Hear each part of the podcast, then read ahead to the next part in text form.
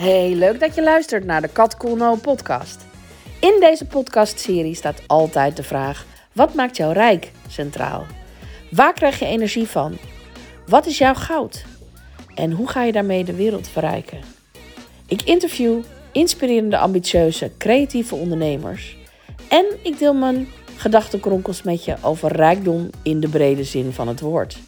Heel veel luisterplezier bij de Kat Cool podcast.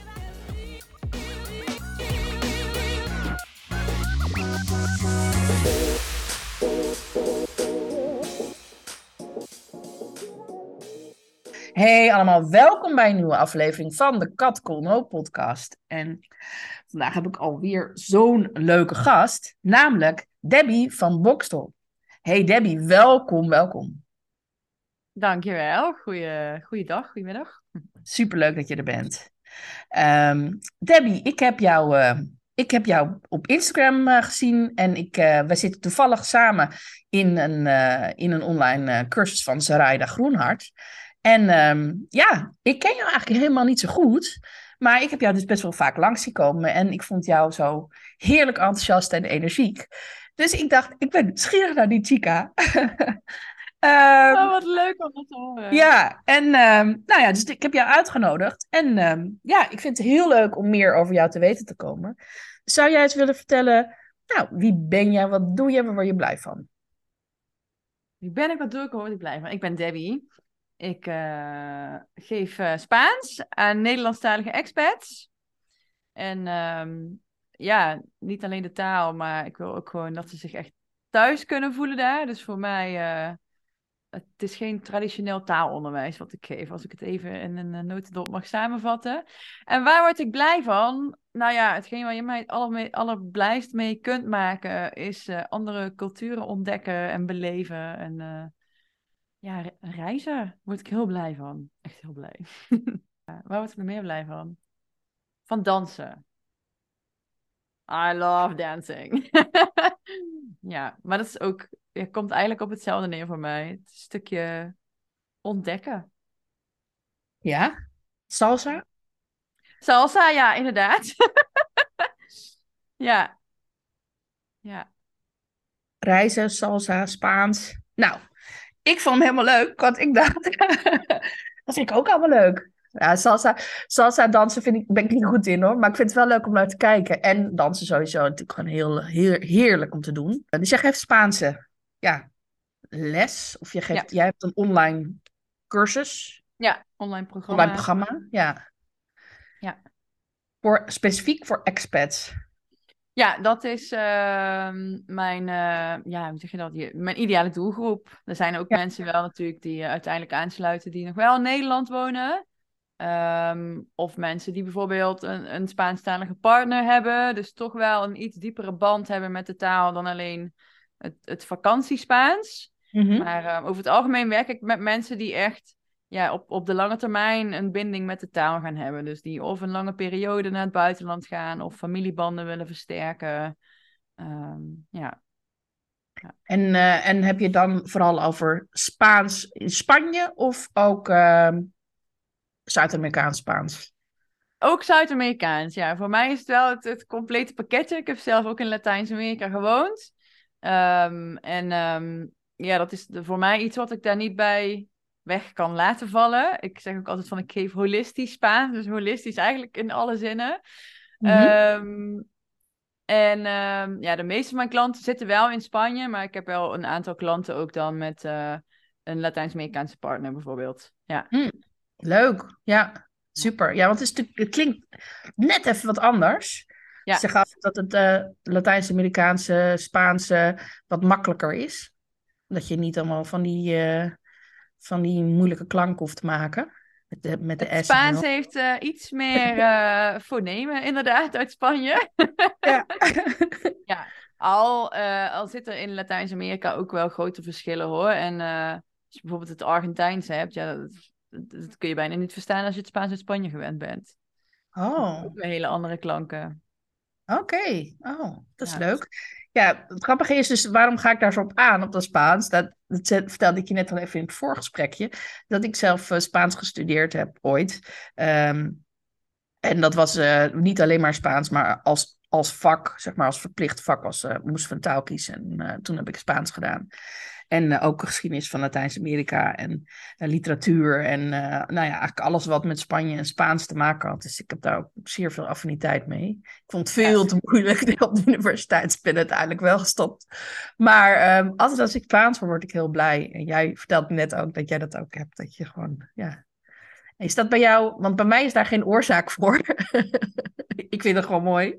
Maar heb jij iets, eh, heb jij een achtergrond met Spaans of, of hoe, hoe is dat gebeurd? um, nou ja, ik krijg heel, van heel veel mensen de vraag van ja, ben jij zelf dan Spaanse of heb jij Spaans bloed of uh, nou ja, noem maar op, ben je Latina? Nee, voor zover ik weet niet.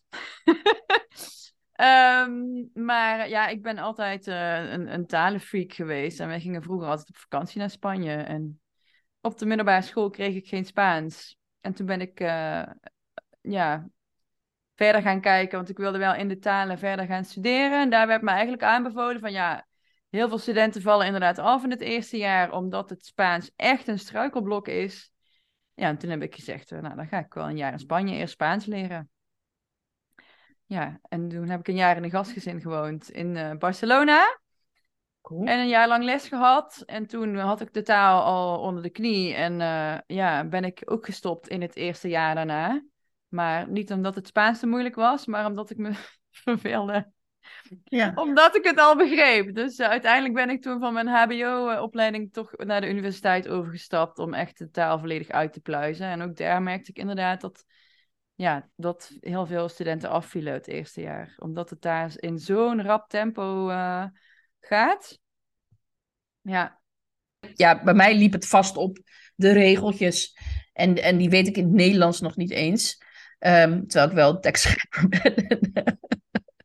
maar um, ja, ik, ik, ik, ga, ik vind dat gewoon helemaal niet leuk. Ik vind dus het hele, alles daaromheen vind ik wel heel leuk. En de klanken en gewoon, ja, gewoon gesprekjes aangaan. En en uh, nou ja, de hele vibe die er omheen hangt, dat vind ik wel heel leuk. Dus ik vind het ook ja. heel leuk te horen dat jij ook holistisch Spaans geeft. Dat je mensen ook dingen meegeeft over cultuur. Dat zie ik ook op je Instagram inderdaad uh, heel regelmatig terugkomen. Dat, dat, ja, ik vind dat je dat heel leuk doet. Dus uh, ja, ik was daar wel door, uh, nou ja, ik, ik, was daar wel door geïnspireerd. Ik ga misschien toch meer mee gaan doen. ah, leuk. Ja, dankjewel. Ja, en ook wat je zegt, hè, dat die, die regels en die benamingen, heel veel mensen lopen daarop vast als het de grammatica betreft. Maar uiteindelijk uh, het zijn allemaal taalpatronen. Net als de uitspraak is ook een patroon wat je je eigen maakt. En jezelf kunnen uitdrukken in die verschillende tijden ook. En wij, dat traditionele taalonderwijs is er zo op ingehamerd dat we dan rijtjes moeten kunnen opdreunen. Terwijl, ja, als jij gewoon iets wilt vertellen over jouw week vorige week in de verleden tijd, dan ga je ook niet denken van, oh, ik moet de verleden tijd gebruiken. Nee, je denkt, ik wil over vorige week iets vertellen. Dus dan zeg je, ik heb gedaan in plaats van, ik doe. ja. Dus, en dat is een beetje waar ik heel graag op wil inhaken uh, met mijn manier van coaching, coachend lesgeven. Mm Dat je het ook op een andere manier uh, kunt leren dan, dan inderdaad die rijtjes. Want uiteindelijk gaat het er niet om dat jij een rijtje kunt opdreunen, maar dat jij een, een zin kunt formuleren en jezelf kunt uitdrukken. Ja, precies. En dat is ook wel interessant, want ieder mens leert natuurlijk anders. Maar weet je, dat je dan die rijtjes leert en dat je dan, dan weet je gewoon niet hoe je dat moet toepassen. Terwijl als je mij zegt van nou, um, weet je wel, je gaat gewoon oefenen en je gaat gewoon heel veel doen en zo. Ja, dat, dat is veel meer mijn manier van leren. Maar ja, goed, ik, ik heb ook vrijschool gedaan, dus dat is ook logisch eigenlijk. Oh, echt? Oh, leuk. Ja. Mijn dochtertje ook. Oh, serieus? Ja. ja dus dat is weer, weet, dan leer je gewoon niet stampen en al die dingen, weet je wel, dat werkt gewoon anders. Je leert het spelenderwijs en ja, dat is blijkbaar dus ook een methode die wel bij mij past. En uh, misschien ook wel bij jouw dochtertje. ja, ze is nu uh, ze is zes, dus ze is alle letters nu aan het leren met schrijven. En dat is ook zo leuk, want ze leren die dan compleet fonetisch eigenlijk. Want ze was gisteren dan, uh, gisteren bijvoorbeeld hadden ze de korte ei geleerd, EI. Maar dat heet dan niet EI, dat is EE. Want de I is de IE. dus ik vond het wel heel grappig dat ik dacht, oh ja, ze leren echt de klanken en niet de letters van het alfabet. Dus uh, het is echt uh, toegespitst op hoe kinderen leren. En dat vind ik heel mooi om ook bij haar uh, terug te zien komen. Dat ik denk van, oh ja, zie je, er zijn zoveel verschillende manieren eigenlijk waarop we dingen kunnen leren. Eh, waarop we kunnen zorgen dat het beter beklijft dan puur en alleen, oké, zo is het. En als je het niet kent, dan, eh, dan, dan klopt het niet. Ja, dan krijg je een grote nul. Ja, En dan, gaat er, en dan gaan er allemaal met de rode pen fout. Ja, ja. Weet je wel, dat gevoel. Terwijl je inderdaad ook gewoon kan zeggen van ja, kijk naar wat. Ja, ik geloof daar sowieso heel erg in. Van, van waar ligt het talent, waar ligt het gevoel. ja. En dan vanuit die manier eh, dingen leren. En ja, ik weet nog steeds de K, koningsletter. De K. En dan moest dan, dan, moest dan, dan ook bij uitbeelden. Dat moest je echt helemaal in je lijf, moest dat helemaal. Ja, ja, nu denk je misschien ook van, oh, misschien een beetje zweverig. Maar ik weet het nog steeds. Het is echt wel best lang geleden. ja. Dus eh, ja, dus dat vond ik wel heel leuk daaraan. En ehm, ja, en inderdaad gewoon, alleen al, sommige mensen kunnen het wel heel goed met rijtjes leren. Dus, maar het besef van, hey, iedereen doet dat op zijn andere manier. En ik kan me voorstellen dat voor jouw klanten, eh, die een programma bij jou volgen, ook gewoon heel fijn is. Want ze moeten het meteen ook in de praktijk brengen. Weet Ja. je, ze gaan wel naar een land of ze hebben een partner, ze willen natuurlijk gewoon een gesprek kunnen voeren. Ja, dan, als je dan eerst 26 rijtjes moet gaan lopen leren om een zin te kunnen uitspreken, ja, dan heb je helemaal geen zin in. Ja. Gewoon leuke dingen. En je wil een avontuur beleven. En je wil naar de supermarkt kunnen. En je wil op je werk goedemorgen tegen je collega's kunnen zeggen. Weet je wel, dat soort dingen. Ja, Ja, dus dat, eh, dat is wel tof. Ja, en wat, je, wat ik vaak ook merk bij mensen die dan volgens de traditionele manier aan het leren zijn, is dat ze toch hè, het idee hebben van ik moet eerst mijn cursus afmaken en als ik dan alles weet, dan kan ik met mensen gaan praten. Ja. Terwijl, ja, zo werkt het. is niet kennis die je opslurpt en die je vervolgens ineens op een magische wijze kunt toepassen. Het is echt constant die taalpatronen herhalen, herhalen, herhalen, waardoor je het je eigen maakt, waardoor je er niet meer over na hoeft te denken. Dus het is Ja. echt inderdaad eh, zoveel mogelijk input zorgt voor zoveel mogelijk output. Ja, ja, en op verschillende manieren. Ja. En dan inderdaad met, met alle, ja, nou ja, goed, inderdaad, de holistische kijk erop. Leuk. Ja, tof. Ehm, ja, nou ja, goed, dus dat vind ik heel leuk om te horen van je. Maar ik ben natuurlijk ook heel benieuwd naar nog veel meer dingen over je. En deze podcast die gaat over wat maakt jou rijk. Ja. En eh, ja, rijkdom. Iedereen ziet het op een andere manier. We gaan het zo over hebben hoe jij het ziet. Maar rijkdom gaat natuurlijk ook over geld. Mhm. En ehm, ja, ik ben eigenlijk wel nieuwsgierig. Wat heb jij van huis uit meegekregen over geld? Ik vind het een hele leuke vraag. Eh, wat heb ik van huis uit meegekregen? Nou, mijn vader heeft altijd gewerkt op een bank als directeur en verzekeringsagent. Risicovermijdend. Ehm, goed tussen de regeltjes doorlezen. Dus mijn vader is altijd heel ehm, ja, eh, eh, slim omgegaan met geld. Goed opzij zetten, goed sparen. Ehm, en, hij is ook degene die mij nu af en toe helpt dan met de belastingdingetjes en ook eh, aangiftes en zo. En dan denk ik, oh, soms is het ook een beetje een raadsel voor me, geld. maar juist omdat het in, van de huis uit altijd zo goed geregeld was. En dan heb ik soms nu het gevoel van, oh ja, dan moet ik het allemaal alleen doen. Hoe dan? Maar ehm, ja, wat ik eigenlijk heb meegekregen is ehm, hard werken, goed sparen. Ja, daar komt het eigenlijk op neer. Lukt dat? Het lukt wel, maar vaak is dan bespaar ik voor een doel en dan is het daarna ook wel weer gewoon, oh ja, nu moet ik weer opnieuw sparen. Oké, ja. ja. Ja, want het is grappig, want bij sommige mensen gaat juist ehm, dat wat ze meegekregen vanuit huis, dat gaat juist precies het tegenovergestelde ja, in hun eigen leven. Ehm, dus dat ze inderdaad vroeger heel zuinig zijn opgevoed en dat ze dan dus juist precies heel erg eh, uitgeverig worden. Mhm. Of juist eh, heel spaarzaam, of juist heel erg, eh, nou ja, het was overal en dat je dan juist heel andere keuzes maakt. Dus dat is wel Ja. grappig. En sommige mensen nemen inderdaad die patronen volledig over. Het is zo leuk om te, om te horen hoe dat dan werkt. Ja, het is, ik denk dat we een beetje in het midden zaten. Want ik kan niet zeggen dat, we, dat er extreem veel geld uitgegeven werd. Al weet ik nog wel eens dat er vroeger ook wel eens een- op de basisschool een kindje aan mij vroeg van... eh, zijn jullie rijk? Want jullie hebben zo'n grote auto. Maar ja, wij waren met zessen thuis. Ik heb eh, twee broers en Ja. een zus. Dus we hadden inderdaad een grote auto. En we hadden het zeker niet slecht. Vooral, ja, het, het was een grote familie. We gingen toch wel elk jaar eh, op vakantie een paar weken naar het buitenland. Maar ja, het is ook niet zo dat we elke week uit eten gingen en maar alles mochten hebben waar we om krijsten.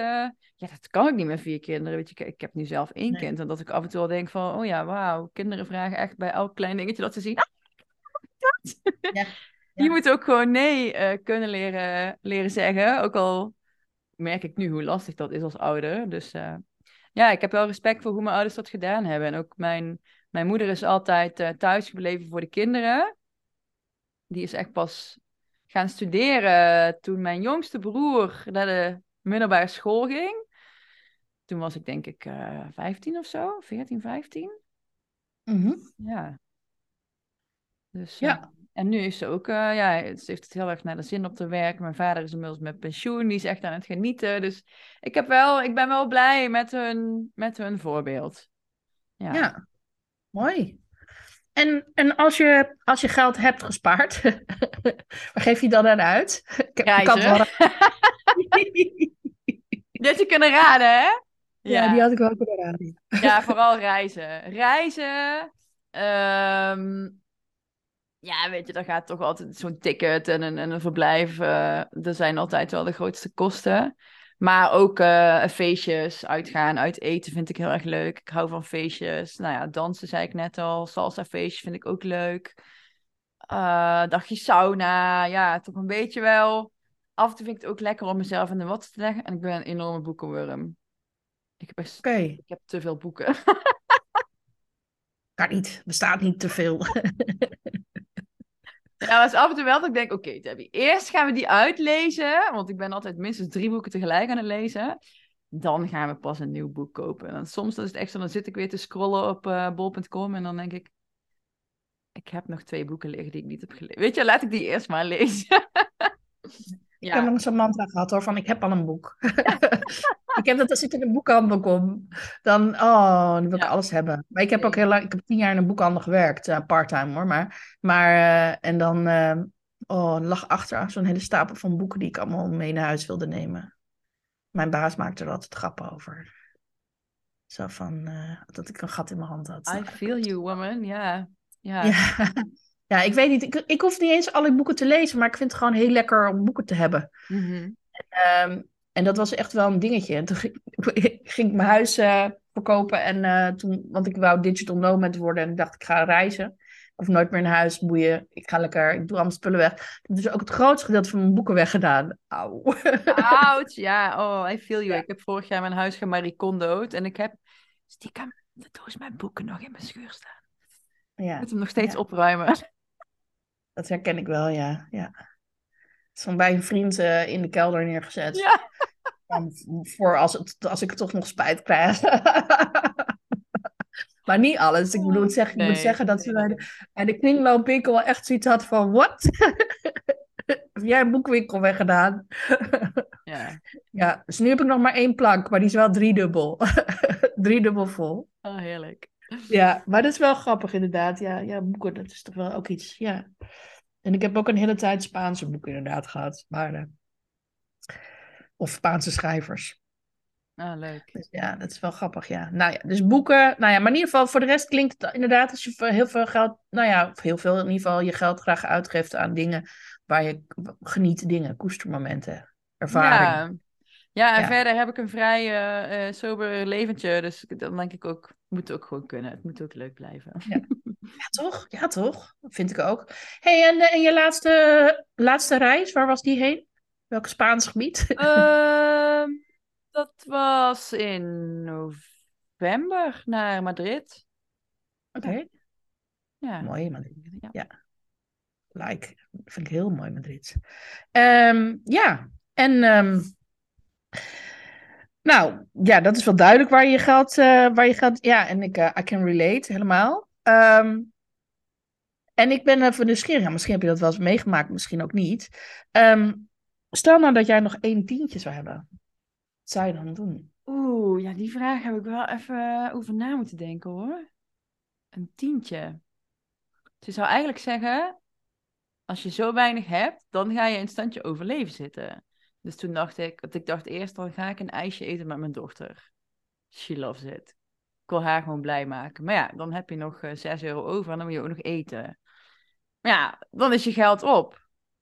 Dus ik zou misschien toch ja, een deel daarvan in marketing stoppen of zo, zodat ik er meer van kan maken.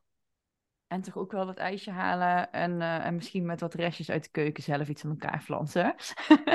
maar ik zou wel kijken van hoe kan ik hier meer van maken in plaats van hoe kan ik dit aan het allergeweldigst opmaken. Nee, ja, ik heb wel eh, een klein meisje waar ik uh, mijn verantwoordelijkheid voor neem. Dat ik denk, nee, daar moeten we goed voor zorgen.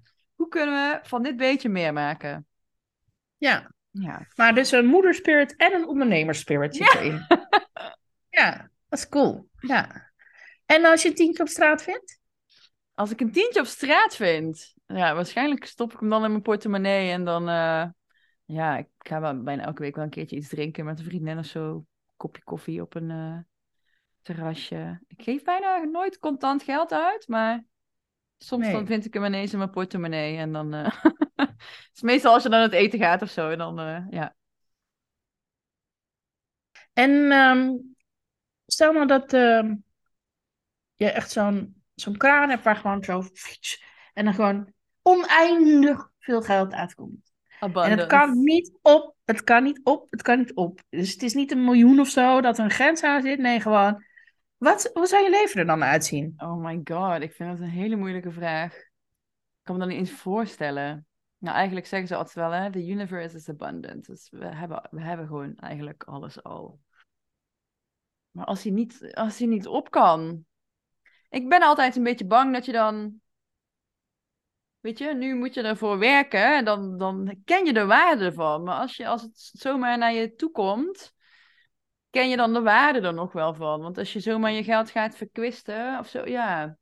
Ik denk toch ook. eh, ik, ik, ik moet denken nu aan Keanu Reeves. Ik vind hem zo'n geweldig voorbeeld. Eh, hij is een acteur. Ik weet niet of je Ja, Ja, ik ken hem hem. En ehm, ja, een, een heel groot deel van zijn geld eh, geeft hij aan goede doelen. Dat ik denk van, ja, ik vind, ik vind dat zo. Ik krijg daar gewoon warm van als ik daaraan denk. Ik denk, weet je, ik denk dat ik het toch ook eh, wil delen. En ja, wa- wat moet ik met zo? Ja, wat moet ik ermee, denk ik dan? Tuurlijk, je wilt jezelf ook eh, het allerbeste toewensen. Maar ehm, ja, ik wil het wel delen. Happiness is better when shared. Ja, ja, Een mooiere We wereld maken van maken. ja. Maar ik wil niet een, eh, een groot huis of zo. Of een, eh, eh, weet ik veel, een leuk huisje ergens in een Spaans land. Of, Ja, ik ben super blij met mijn huis hier. Maar ik, ik, wat mij meer roept nu is echt lang, heet het? Lo- long-term travel met mijn Mhm. dochter. En uiteindelijk lijkt het me super tof om, eh, weet ik veel, retreats te gaan geven op Tenerife. En, eh, en daar misschien mijn eigen plekje te hebben. Maar dat, dat is iets eh, ja, wat echt nog in de verre toekomst ligt. Dus ik zou echt, als ik het voor mezelf zou gaan gebruiken, denk ik... ja, gaan reizen, plekken, nieuwe plekken verkennen en ja, lekker gaan ontdekken. ja, je bent ook natuurlijk nog, ja, je, je hebt wel een ondernemingsgeest. Maar je bent zelf nog niet zo heel lang bezig met ondernemen. Dus dat is natuurlijk ook, dat mag ook groeien. Hè? Dat, zo werkt dat ook een beetje. Ja, Dat je gewoon, weet je, eerst moet je eerst nog voorstellen dat je überhaupt gewoon kan leven van je business. Ja. En ja, soms word je wakker met een fantastisch idee en dan loopt het meteen. Dat kan natuurlijk, maar de meeste mensen het toch een beetje opbouwen en dan een beetje gaan voelen van, oh, hey, ik kan geld verdienen met wat ik tof vind. Ja. En dan, ja, weet je, dan gaan die dromen, die worden ook steeds groter. Dat is vaak wel zo. Kan ik je uit ervaring ja zeggen. zeker. Ja, is het voor mij ook wel een reis geweest hoor. Als ik zie waar ik nu sta en waar ik een jaar geleden stond, dan ik echt, eh, ja, dan weet ik niet eens waar ik over vijf jaar sta, zeg maar, als dit zo Ja. doorgaat in een stijgende lijn. Ja, dus af en toe is dat ook wel een mooi dankbaar eh, moment om daarbij stil te staan en te denken van, wow, misschien ben ik over vijf jaar wel daar. Ja. Ja, ja. retreats in Tenerife, het klinkt niet als een onhaalbaar iets of zo. Nee, toch? Nee, helemaal niet. Ja. Nee. Super. Nou, eh, sounds good. En, ehm, en de, de keyvraag van deze podcast. Wat maakt jou nou rijk? Ik voel mezelf een beetje in herhaling vallen. Ik denk toch het feit. ehm, ik, ik voel me nu, ik woon in Nederland, maar ik voel me echt tussen twee werelden inleven. Want bijna al mijn dagelijkse contacten zijn Spaanstalig. Inmiddels. En ik vind het zo'n verrijking van mijn leven. Ik ben zo blij ook- en dankbaar dat ik, eh, ja, dat ik die mensen om me heen heb. En, eh, en dat ze mij ook opnemen in hun community. As if I'm one of them, zeg maar. Heel Ja, bijzonder. En eh, ja, ik vind dat, ja, ik kan me dan nooit voor kunnen stellen dat hier te hebben. Dus dat maakt het voor mij nu ook, weet je wel, heel veel mensen, heel veel mijn klanten vragen mij van, ja, waarom woon jij dan niet in Spanje? Waarom woon jij in Nederland? En dan, weet je wel, dan denk ik nu van, oh, ik heb het echt, ik heb het zo goed hier. Ik ben zo blij. Dus ehm, ja, dat, dat maakt me echt enorm rijk. Dat ik eh, ja, eh, mensen uit zoveel nationaliteiten om me heen heb en van hun mag leren en met ze kan lachen. Ik heb afgelopen eh, oud opnieuw eh, met een aantal Latina's gevierd. En ik was de enige die als hartstikke nuchtere Hollander een beetje in een huis kloffie. Nou ja, kloffie ook weer niet, maar Latina's helemaal opgedorfd, zwarte glitterjurkjes, hakjes aan. Ik zeg, hadden jullie mij niet even vertellen, kunnen vertellen wat de dresscode was vandaag? ja, Ja, die hebben we geen, maar ja, zo vieren wij. want ik moest zo, dat was echt heel grappig. Dus weet je wel, zo'n, ja, van, van die dingen die maak ik elke week met ze mee. En dat zet dingen ook weer in perspectief voor mij. Dat ik denk, weet je, het hoeft ook niet allemaal perfect volgens onze Nederlandse in kader gebrachte regeltjes tussen aanhalingstekens. Dus eh, ja, dat maakt me echt heel rijk. En mijn dochtertje ook. Het moederschap. ja. En, en ehm, wat denk jij dat jouw grootste goud is? En goud, dat zie ik eigenlijk als ehm, alles wat je in je leven vergaard hebt aan kennis, vaardigheden, talenten die je hebt, maar ook levensinzichten. Eigenlijk alles, alles wat in je toolbox zit, Hmm. eh, wat je kunt gebruiken om andere mensen mee te verrijken. Dat noem ik je goud. Wat, wat denk jij dan, wat vind jij dan dat jouw grootste goud is? Nou, ik hoorde jou net aan het begin zeggen van eh, je hebt zo'n eh, eh, enthousiaste energie. En ik krijg dat de laatste tijd van zoveel mensen terug dat ik af en toe denk.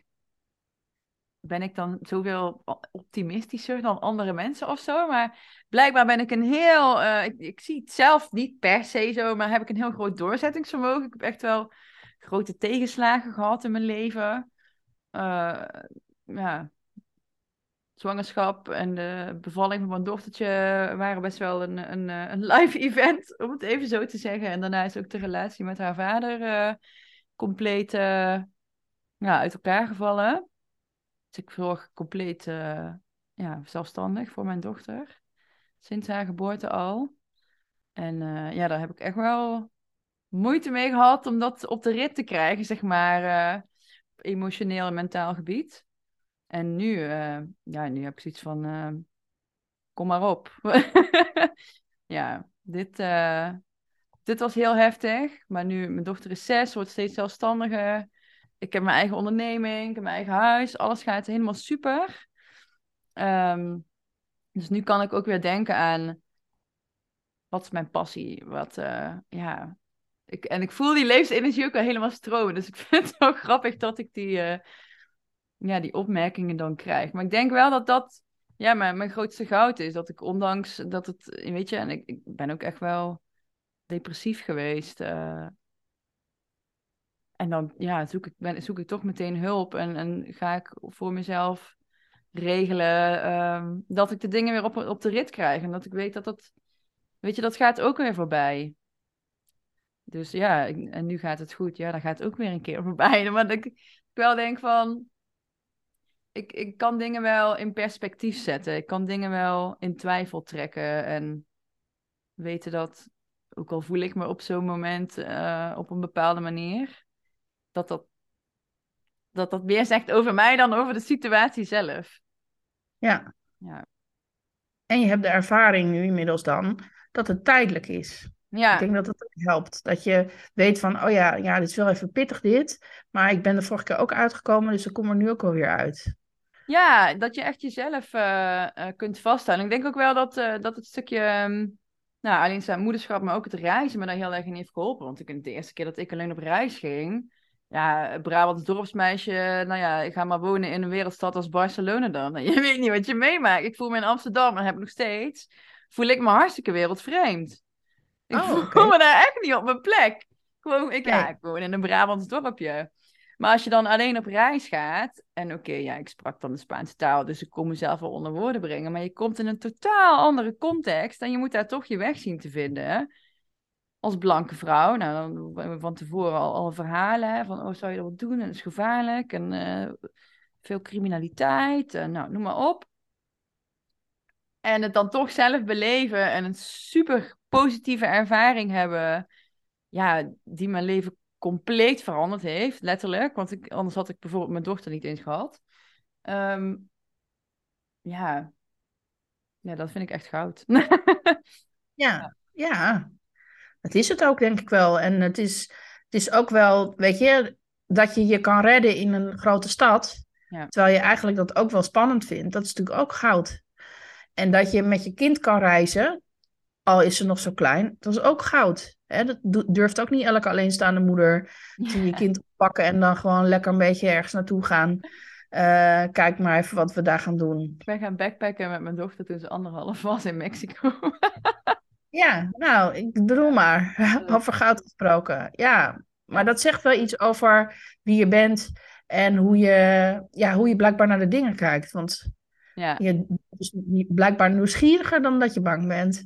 ja, ik wil mezelf niet zomaar bij de pakken neer laten zitten. Het is gewoon dat ik denk, weet je, het leven heeft zoveel moois te bieden. En de wereld is zo groot. En ook, ja, nu vandaag, nu we dit opnemen, heeft het in Nederland gesneeuwd. En dan zit ik van de week met iemand in Chili te bellen. En die zegt, ja, hier is het zomer, hier is het 40 graden. En dan is het, weet je wel, dat ik denk... We wonen in zo'n vreemde grote wereld. En we kunnen nog zoveel van elkaar leren. En ook, weet je, hij zei, eh, ja, en zijn in, eh, zijn in Nederland dan de scholen niet dicht in januari? Ik zo, nee, hoezo? Ik zei, hier is het zomervakantie in juli en augustus. Oh, hoe zei hij? Ja, hier is, hier is het, in, in januari is het dan eh, zomer, dus wij hebben zomervakantie. Van die, Ja. weet je wel, het, het trekt dingen gewoon uit hun perspectief. En dat vind ik, ehm, ja, zo, zowel het stukje yoga, want daar hebben we het eigenlijk nog niet heel niet over gehad. Ik, heb, eh, ik ben ook yogadocenten. Yoga en taal leren en reizen is gewoon dingen zien vanuit een ander perspectief. Zonder dat er een bepaalde standaard norm is waar je aan moet voldoen. En dat vind ik wel in Nederland. ehm, ja, in alle landen is dat wel. Elk land heeft natuurlijk zijn eigen manier van leven, zijn eigen cultuur, die dan als normaal wordt beschouwd.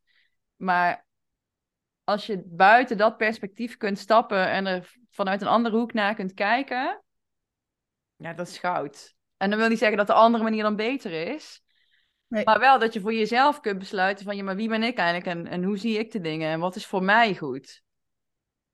Welke, welke manier vind ik leuk? Bij bij welk stukje sluit ik? Maar dat vind ik inderdaad, dat vind ik eigenlijk het allerleukste van reizen en andere culturen. Dat je dan even in die schoenen mag staan en dan even kijken van wat is hier allemaal leuk aan? Ja, En dan van, ja, ik doe dat ook. Dan neem je daar dan een stukje van over. Van, oh, dit vind ik heel leuk aan deze cultuur. Ja. En dit vind ik heel leuk aan die cultuur. En er is niet één heilig of er is niet één ding van, oh ja, we hebben het in Nederland natuurlijk best wel goed. Maar het is natuurlijk ook wel helemaal vastgeregeld allemaal. En dan kom je inderdaad in landen als Spanje, maar waar ze dan ook weer wel gekke gewoontes hebben. Dat ze inderdaad altijd, eh, altijd zo eh, op chic moeten. Dat, dat is mij ook opgevallen, inderdaad. Maar ja, ook andere dingen, weet je wel. Ja, en dat vind ik, dat, ik vind dat inderdaad ook een verrijking. Dat je dan mag zien van, oh. En ook besef van, oh, we zien het anders. Maar we hebben eigenlijk allemaal dezelfde wensen en dromen. ja. Ja, het brengt ook eh, meer eenheid en begrip op, vind ik. Omdat je niet alleen de verschillen gaat zien, maar ook de overeenkomsten. Ja. Dat we allemaal interne struggles hebben en daar gaan we wel op een andere manier mee om. Ja. En we drukken het op een andere manier uit. Maar, eh, maar ja, we zijn, weet je, we zijn allemaal mensen. En ja, ik, de mooiste momenten van mijn reizen blijf ik toch... Hè, als je in, in de bus zit naast een, een Maya-vrouwtje die gaat vertellen over hoe ze opgroeide. Ja, dat is gewoon dat ik dacht... Holy moly, zo'n gesprek had ik nooit kunnen voeren als ik hier niet heen was gegaan allereerst en haar taal niet had gesproken. En ik vind dat echt... ehm, het verbindt mensen. En die verbinding, ja, ja die mis ik eh, eh, af en toe in ons eh, digitale leventje tegenwoordig. Ja, ja nee, dat snap ik heel goed. Ik, dat is ook, dat, ik realiseerde me laatst ook van waarom vind ik nou dat storytelling zo belangrijk? En dan komt toch wel weer heel erg binnen van, ja, maar je kan, via verhalen kan je gewoon met elkaar verbinden. En als ik weet, jouw verhaal ken, een beetje weet hoe jij aan elkaar zit, wat jij belangrijk vindt, wat jij leuk vindt, dan, weet je, dan kan ik daar raakvlakken vinden en dan, en dan zijn we verbonden en dan kunnen we daar een gesprek over hebben. En ja, dat is extreem belangrijk. En niet alleen omdat het leuk is en omdat we gewoon jij, jij bent ook nieuwsgierig, ik ben ook heel nieuwsgierig. Maar ook omdat we dan elkaar beter gaan begrijpen. En dat je gewoon, ja man, dat is essentieel. Dus uh, ja, dus dat vind ik wel. Uh, en dat is natuurlijk het leuke van, van, van reizen ook, dat je gewoon. Um, je komt echt altijd op plekken. En het leukste is als het inderdaad een beetje. of een beetje misgaat. Of dat je inderdaad. Uh, wat ik heel vaak doe, dat ik gewoon in een. maakt niet uit waar het is um, een stad of, of een land um, een tram pak of een bus of iets. En dan niet, niet gewoon niet kijken waar gaat hij oh, heen, maar gewoon ergens ja. kijken. En dan toen was ik in Londen en toen had ik de metro gepakt. Toen kwam ik echt in een best wel, ja, wat zullen we zeggen, een beetje spannend wijkje. kwam ik boven de metro, in de metro uit. Zo van, even koekeloeren van. Uh, en toen dacht ik van, oh, ik vind het hier spannend. En toen ben ik dus gaan lopen. Van, gewoon eens kijken van, wat gebeurt er dan? Uh, als ik hier dus in mijn eentje loop en het spannend vind. Ik vind het meestal helemaal niet spannend, maar dit was echt wel dat ik dacht van, hé, hey, er is een vibe hier die ik niet helemaal voel. Nou ja, dat is een beetje, ja, echt unknown territory. Ja. en zo heb ik ook in Ibiza wel eens een keer een brommertje gehuurd. En toen kwam ik, uh, uh, ik had wel mijn telefoon mee met navigatie. En toen zag ik op een gegeven moment het zag ik ergens de, het strand. En toen dacht ik van, oh, ik wil naar het strand rijden met dat brommertje. En toen kon ik helemaal de weg niet vinden. Het was in the middle of nowhere met die brommer gestrand. Op een of ander vaag pad waar je amper kon rijden. Uh, en toen deed mijn navigatie niet meer, was, was helemaal geen bereik daar. Dus toen stond ik daar en denk van, nou, hm, oké. en dan, ja, dan, dan ga ik gewoon terug. Maar dat, was wel, dat vind ik wel leuke dingen altijd. En de ontmoetingen met mensen. Ja, en, de, en echt de mooiste verhalen. En de, ja, altijd super boeiend. Absoluut. Uh, um, ja. En leuk dat je, dat je dochtertje dus ook al op zo'n jonge leeftijd dat mag meemaken. Misschien beseft ze het nog niet super erg, maar ja. ja, dat gaat wel natuurlijk in je systeem zitten op een bepaalde manier. Dus dat is wel mooi. Ja, en ook, weet je, ik heb mezelf heel erg voorgenomen, wel ook van, ook al is haar vader niet aanwezig in haar leven, ik wil haar wel ook, ja, dat deel van haar roots uh, meegeven. Dus ik vind dat ook wel tof. Um, dat ik die nu hier kan vinden ook. In plaats van dat ik echt ja, dat moet gaan opzoeken. Omdat ik zo'n leuke community om me heen uh, heb gecreëerd nu.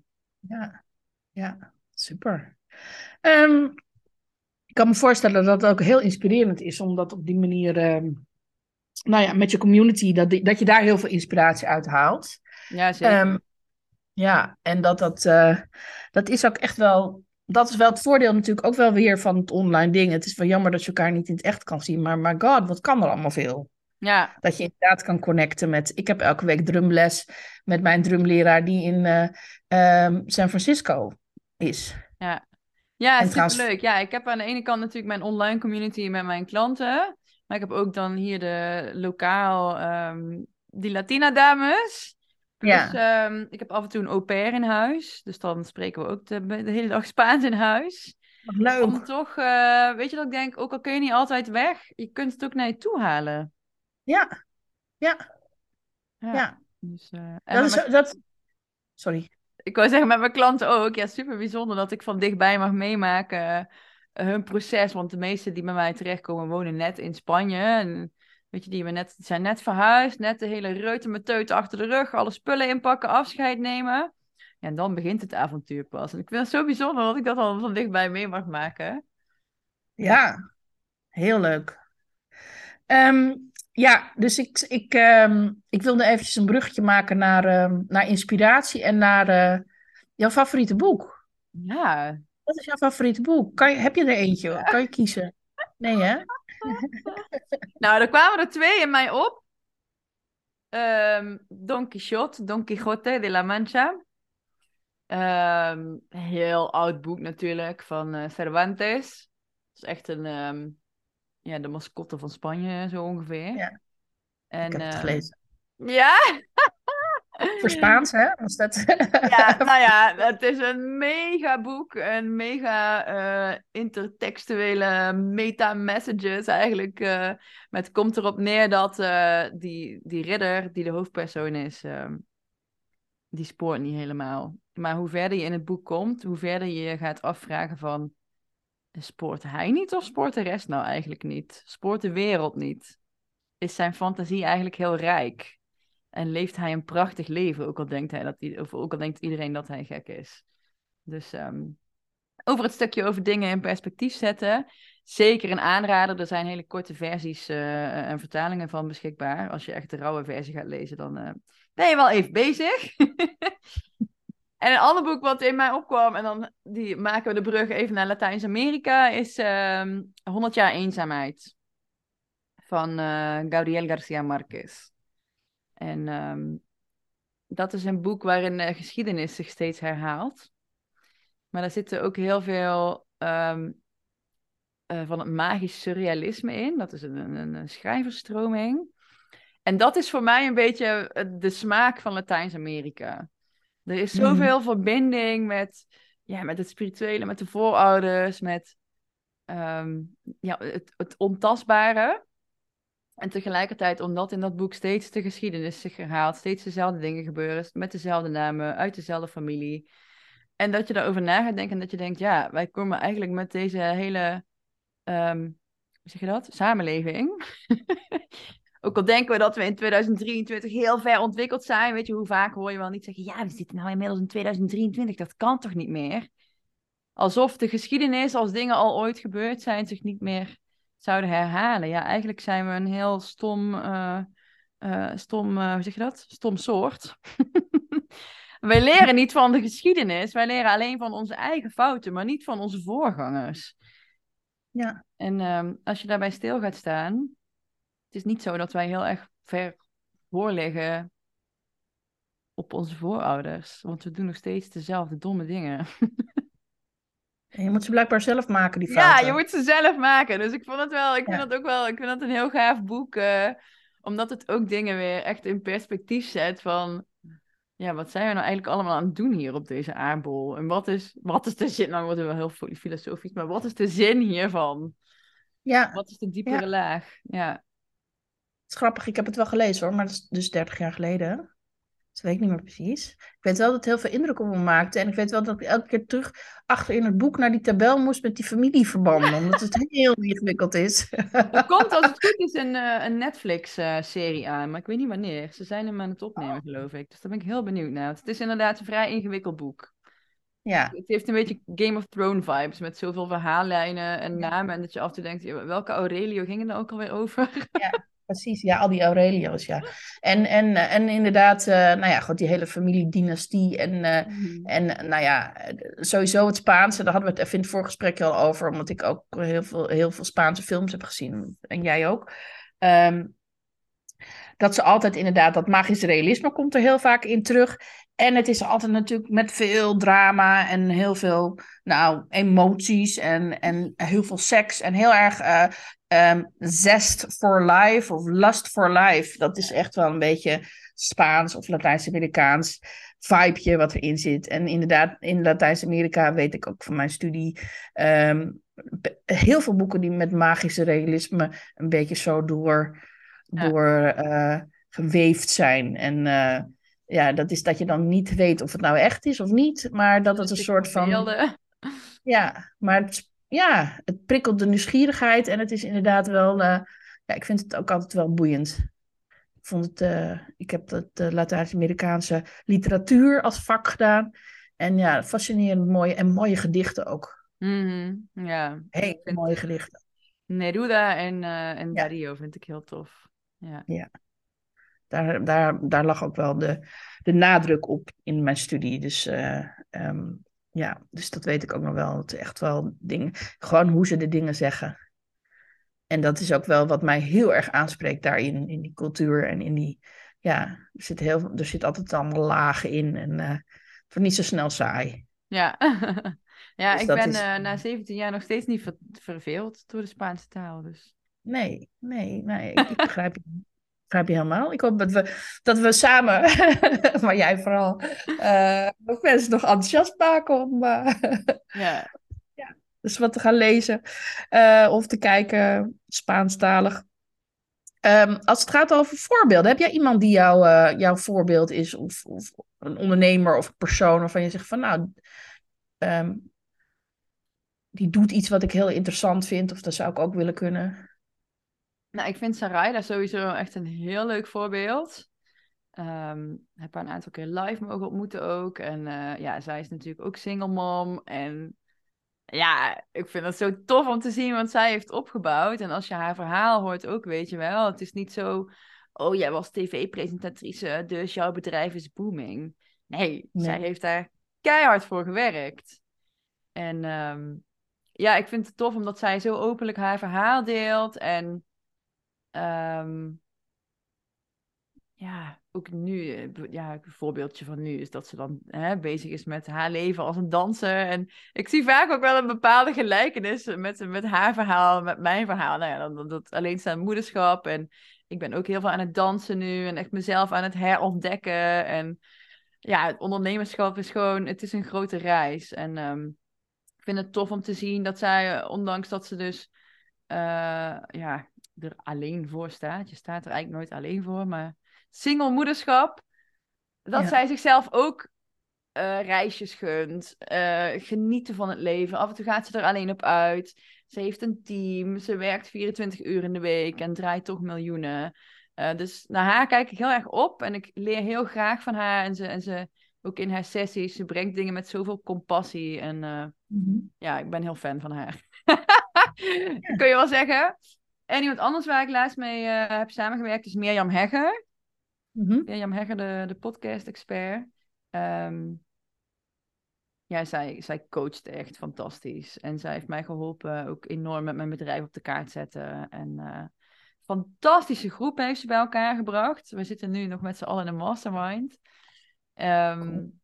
Maar Mirjam, ja, Mirjam gaat je niet vertellen wat je moet doen. Ze laat je heel erg kijken naar, maar ja, wat wil jij dan en wat gaat voor jou werken? Maar wel kritisch jezelf um, bevragen.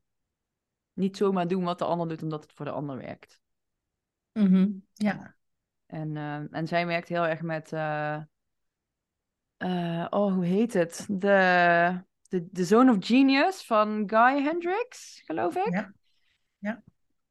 En dat, um, ja, het blijft een interessante manier ook om te kijken naar, oké, okay, maar waar spring ik echt mijn bed vooruit? Waar word ik blij van? Want als ondernemer en als moeder, je hebt zoveel te doen op een dag. Ik hoor af en toe zeggen mensen al tegen mij van, ja, je hebt 48 uur per dag zeker, want jij doet zoveel. En ik doe ook echt zoveel. Mm -hmm. En af en toe denk ik, oké, okay, moeten we even terug naar de tekentafel, even alles op een rijtje zetten. Waar word ik blij van en waar word ik niet blij van? Wat gaat goed en wat gaat niet goed? En dingen gaan schrappen. Want het is zo makkelijk om als ondernemer te zeggen: Oh ja, doe ik wel. Terwijl, ja. ja, is dat echt wat je verder gaat brengen op dit moment? Of gaat dat je groei tegenhouden? Want dat jij bijvoorbeeld, ik noem maar iets, je omzet laat groeien en meer uren moet gaan werken. Ja, dan lever ik weer in op mijn tijd die ik bij mijn dochter ben of, of mijn huishouden. Uh, en is het dat uiteindelijk waard? Terwijl ik misschien ook meer omzet kan maken met mijn groepsprogramma, waar ik niet meer uren mee kwijt ben. Dus, en waar ik blijer van word dan een, een, een, weet het, een, een side uh, opdrachtje. Dus het is constant wel bij jezelf inchecken van, is mijn bedrijf, mijn inkomen, mijn leven, hoe richt ik het in? Voor mij. Want anders zit je nog steeds een beetje in dat werknemerspatroon. Oh ja, nu krijg ik nu een opdracht, dus daar moet ik ja tegen zeggen, want Terwijl eigenlijk is het andersom. ja. ja, ja, exact. Ja, mooie les hoor. En dat is, ja, dat is helemaal waar ook. Zo werkt het wel. Maar je kan, ja, het is best wel, als je heel lang in een, in een werknemerspatroon hebt gezeten, is het best wel ja. raar hoor. Als je daar dan uitkomt en denkt van, oh, ik mag zelf bepalen. Zoals mm. Ilko, waar, waar Mirjam en ik elkaar goed van kennen, van Ilko de Boer. Wij zijn oh, ja. allebei coach in zijn, uh, in zijn uh, Master Moves programma uh, geweest. Want dat is nu niet meer met coaches. Dat is nu alleen nog maar met Ilko zelf. Maar um, dat is uh, uh, inderdaad wel je freedom framework bepalen. Ja. Van hoe wil ik het doen? Welke voorwaarden wil ik het doen? Wat neem ik mee? En waar word, inderdaad ook van waar word ik wel blij van? En weet je, je hoeft, dat je iets kan wil niet zeggen dat je iets hoeft te doen. Jij bent volgens Nee. mij ook wel een potentialite, iemand die gewoon veel kan. Ja. En ja, eh, maar dat je heel veel kan wil niet zeggen dat je het allemaal moet doen. Je kan ook denken van oké, nou ik pak de leukste dingetjes, lekker cherrypicken. En die ga ik doen. En daar krijg ik dan nog meer energie van. Nou, en dan kan ik al die dingen die ik wil doen, die kan ik allemaal doen. En iemand anders die vindt dat misschien dat stukje wat ik niet zo leuk vind, leuk. En dan maak je Ja. die ook weer blij. Nou, Ja. win-win-win.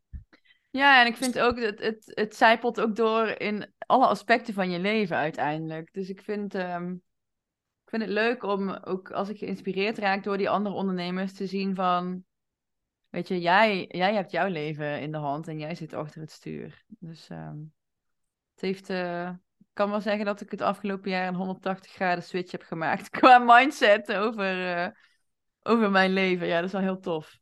Ja. Ja. En, en wat, wa- van waar naar waar dan? Nou ja, eh, een jaar en een week geleden ehm, werkte ik nog eh, in loondienst. en Wauw, eh, ja.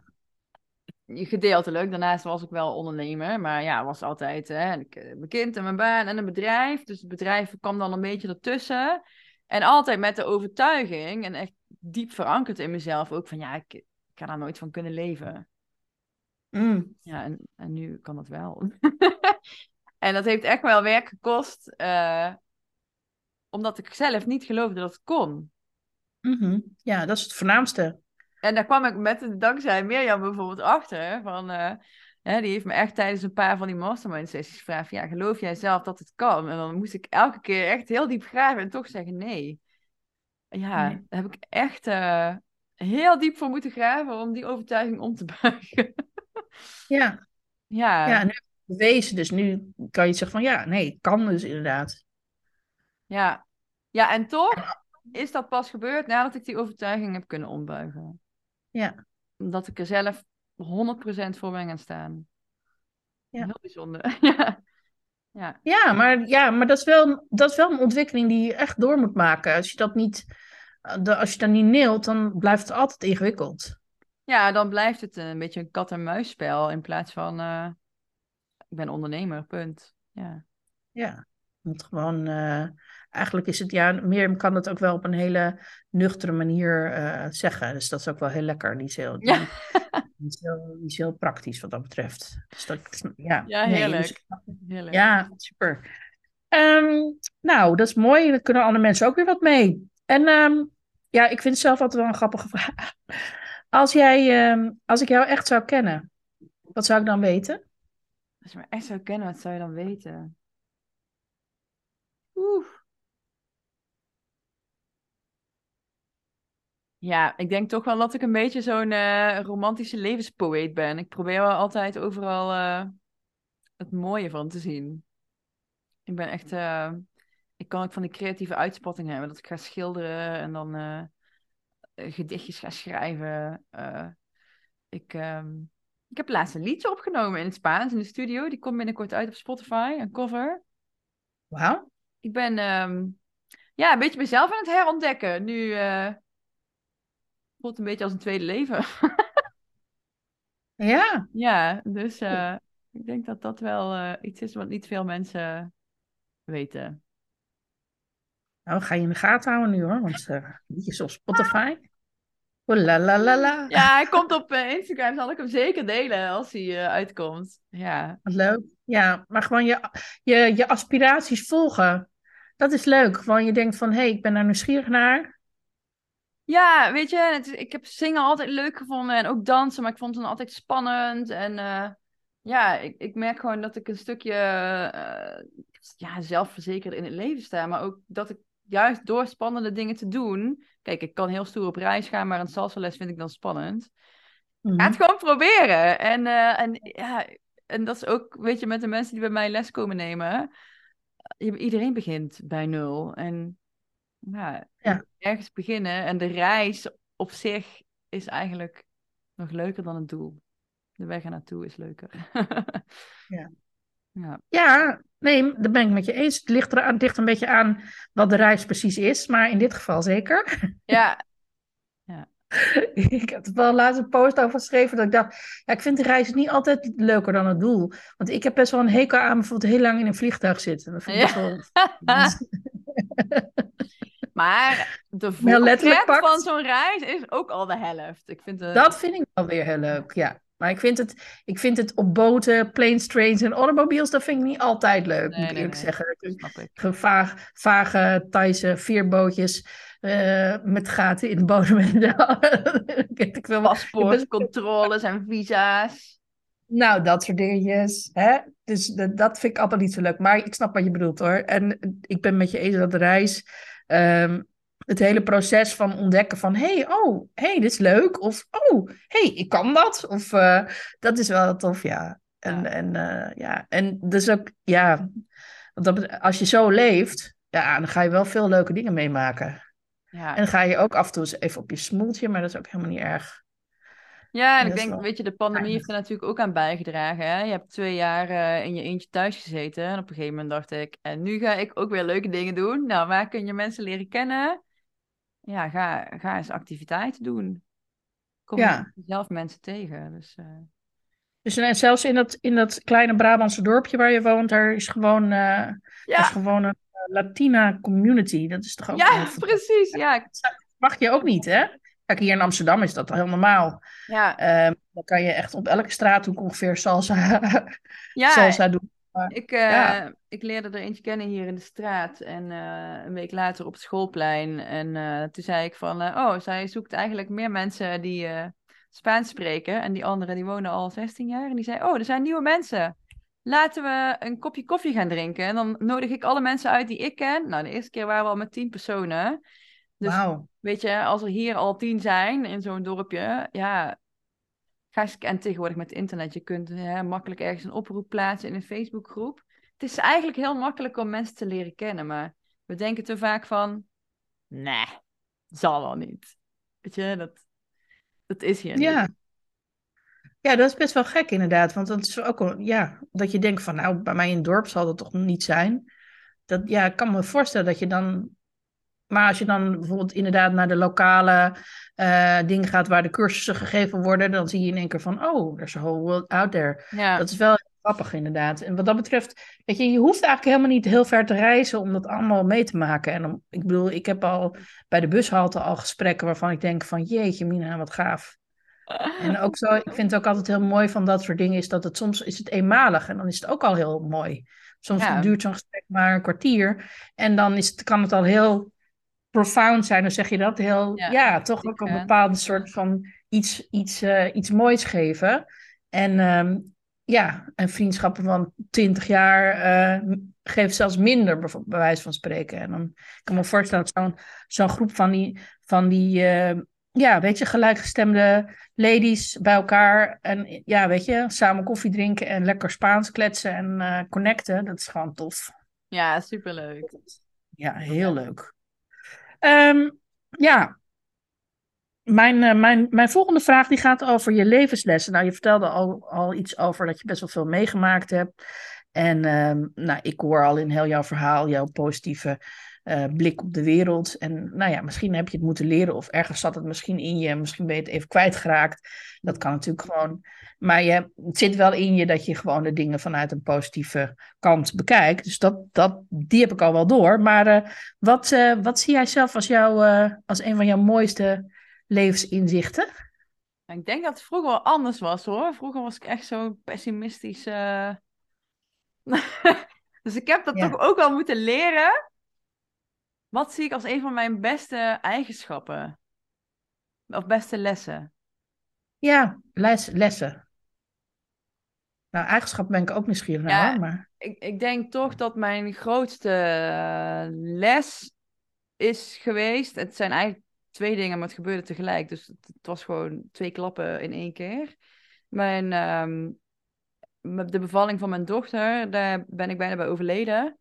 En eh ben ik ook zelf niet bewust bij geweest. En eh, lang herstel gehad. En dan de, de breuk met haar vader. ja. Eh, terwijl ik dacht, een leven in Nicaragua op te gaan bouwen. En ineens ben je dan uh, single moeder met een lichaam wat niks meer kan. Ehm, ja, dat, dat, was, dat is echt uh, een enorme klap geweest en een, en een grote wedergeboorte voor mij, om het even zo te zeggen. Um, in combinatie met het zorgen voor mijn, uh, voor mijn dochtertje dan.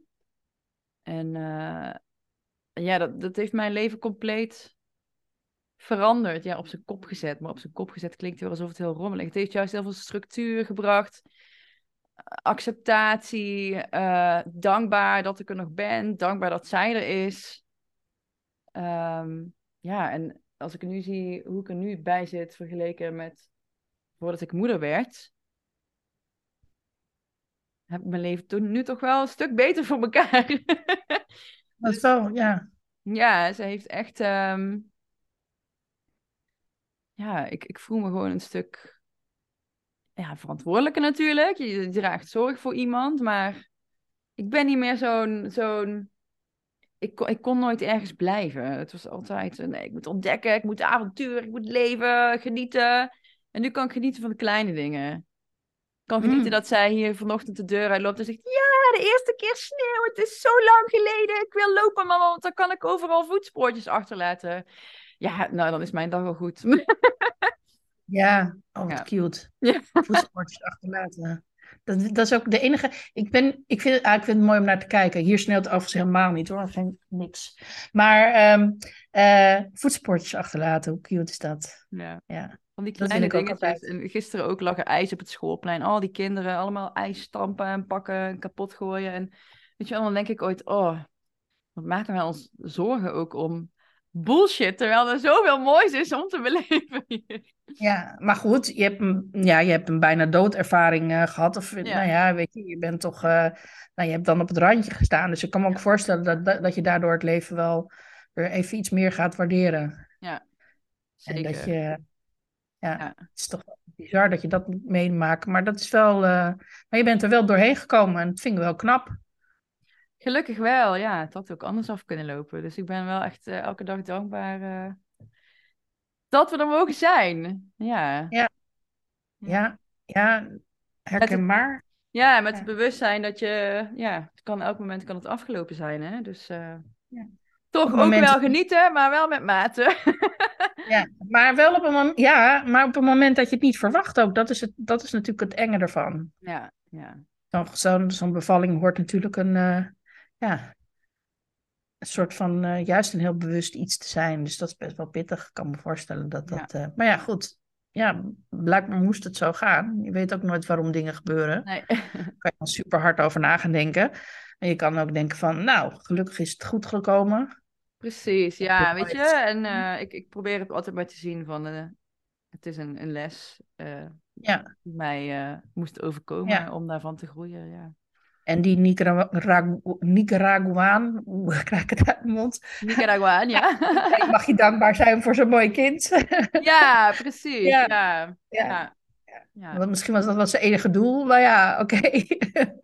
Ja, blijkbaar. Ja, dat, misschien uh, blijkt dat later uh, in haar leven nog. Uh, ja, zien we dan wel weer. Ja. ja, dat is natuurlijk ook altijd nog wel spannend. Maar goed, ja, daar kan je inderdaad heel daar kan je heel lang over nadenken. Maar het zijn allemaal van die dingen die je ja, beter op gevoel kan doen als, ja. het, uh, als je ervoor staat. Ja. ja. Heb ik nou ja, maar goed, het klinkt in ieder geval alsof jij best wel wat veerkracht uh, um, hebt moeten ontwikkelen of, of niet. Ik, ik uh, ja. doe een onderzoek naar veerkracht en ik ben altijd oh. nieuwsgierig naar van wat, wat is dat nou eigenlijk precies en kan je dat leren? Heb je dat of heb je dat niet?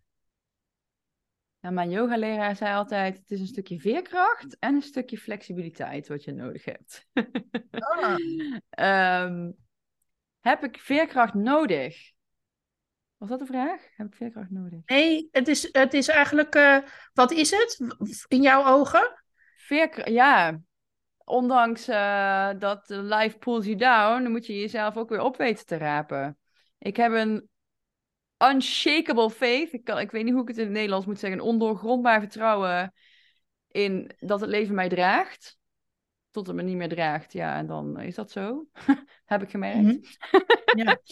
maar ja. Um, ja, het enige waar je uiteindelijk echt ehm, eh, op kunt vertrouwen, is jouw mindset, is jouw manier van reageren op de dingen. En als je dat hebt, ja, dan heb je de wereld. Ja. En dat is veerkracht. En weten ook, weet je, dat wil niet zeggen dat je altijd on top of your game bent. Ik heb ook echt maar rot vannacht ook. Ik heb slecht geslapen, ik ben moe. Ik ben een beetje, heb een beetje wattenhoofd. Maar hey, ik ben wel mijn passie aan het leven nu. En ik heb een super tof interview met jou. Weet je, dus ik, ja, ik had nou ook uh, ja, het, af kunnen zeggen. En ik, oh nee, ik moet slapen. En dan lig ik weer in bed, dan lig ik weer wakker. Dus nee, gewoon vertrouw op jezelf. En um, ja, ik ga toch altijd wel met een lach uh, het leven tegemoet.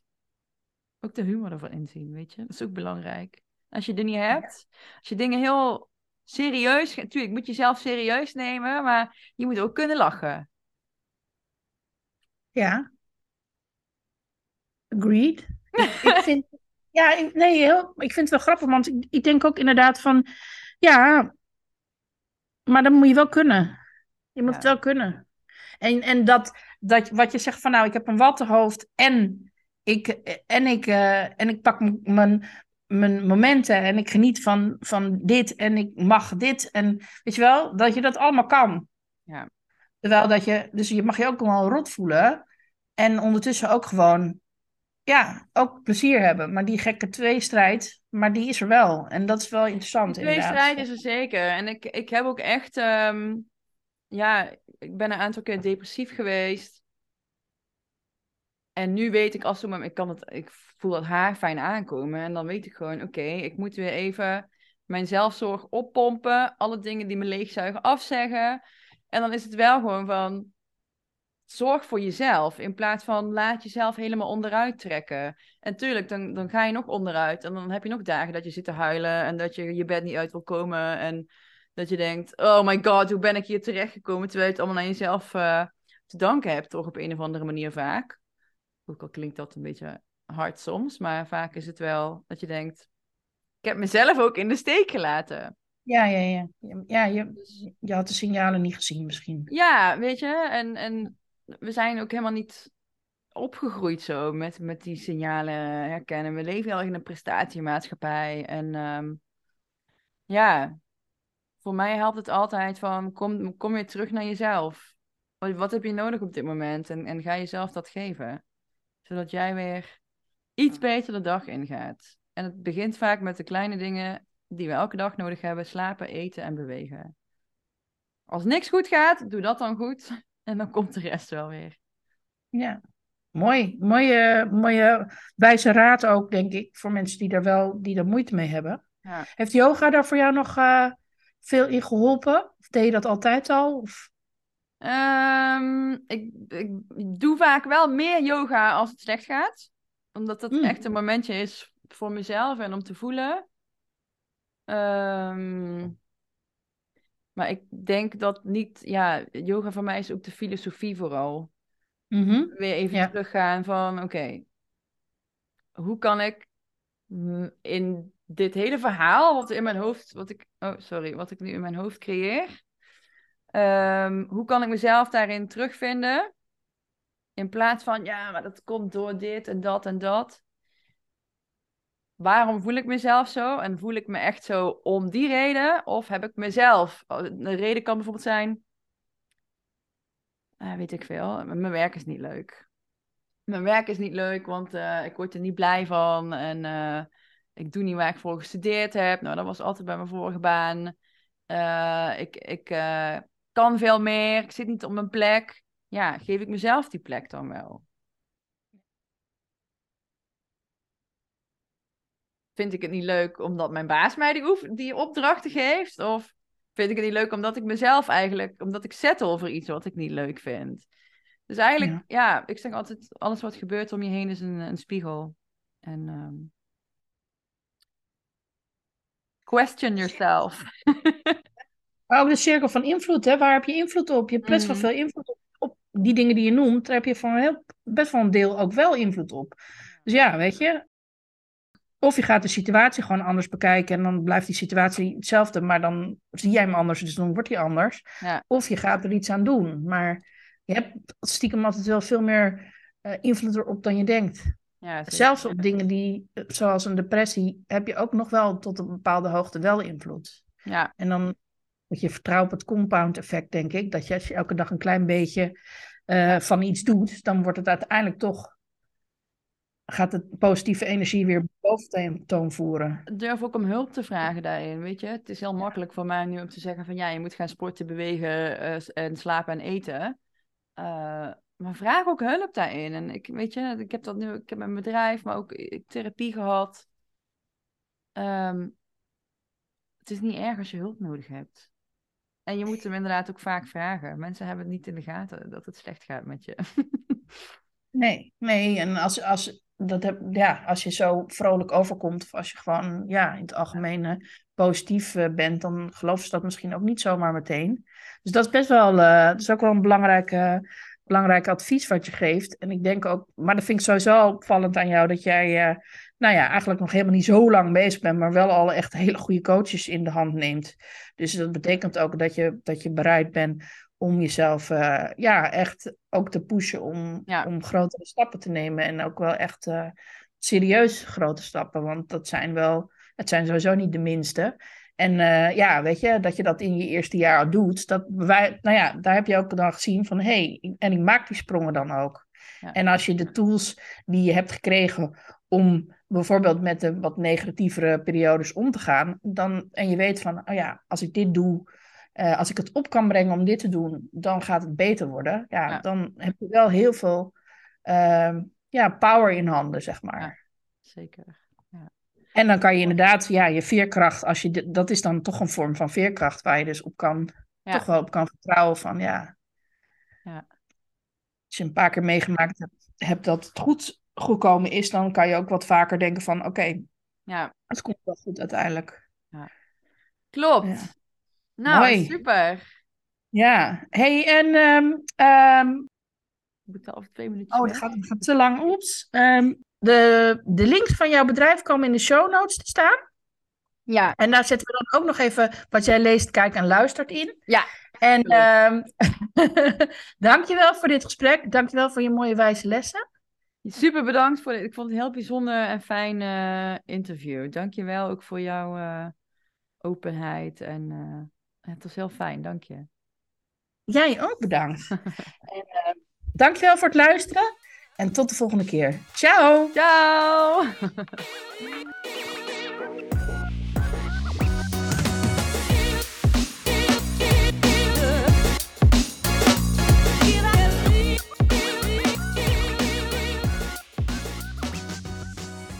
Dankjewel voor het luisteren naar deze podcast. Mocht je willen connecten of meer informatie willen hebben, dan kan je me vinden op LinkedIn en op Instagram, katkolno. Tot de volgende keer. Ciao.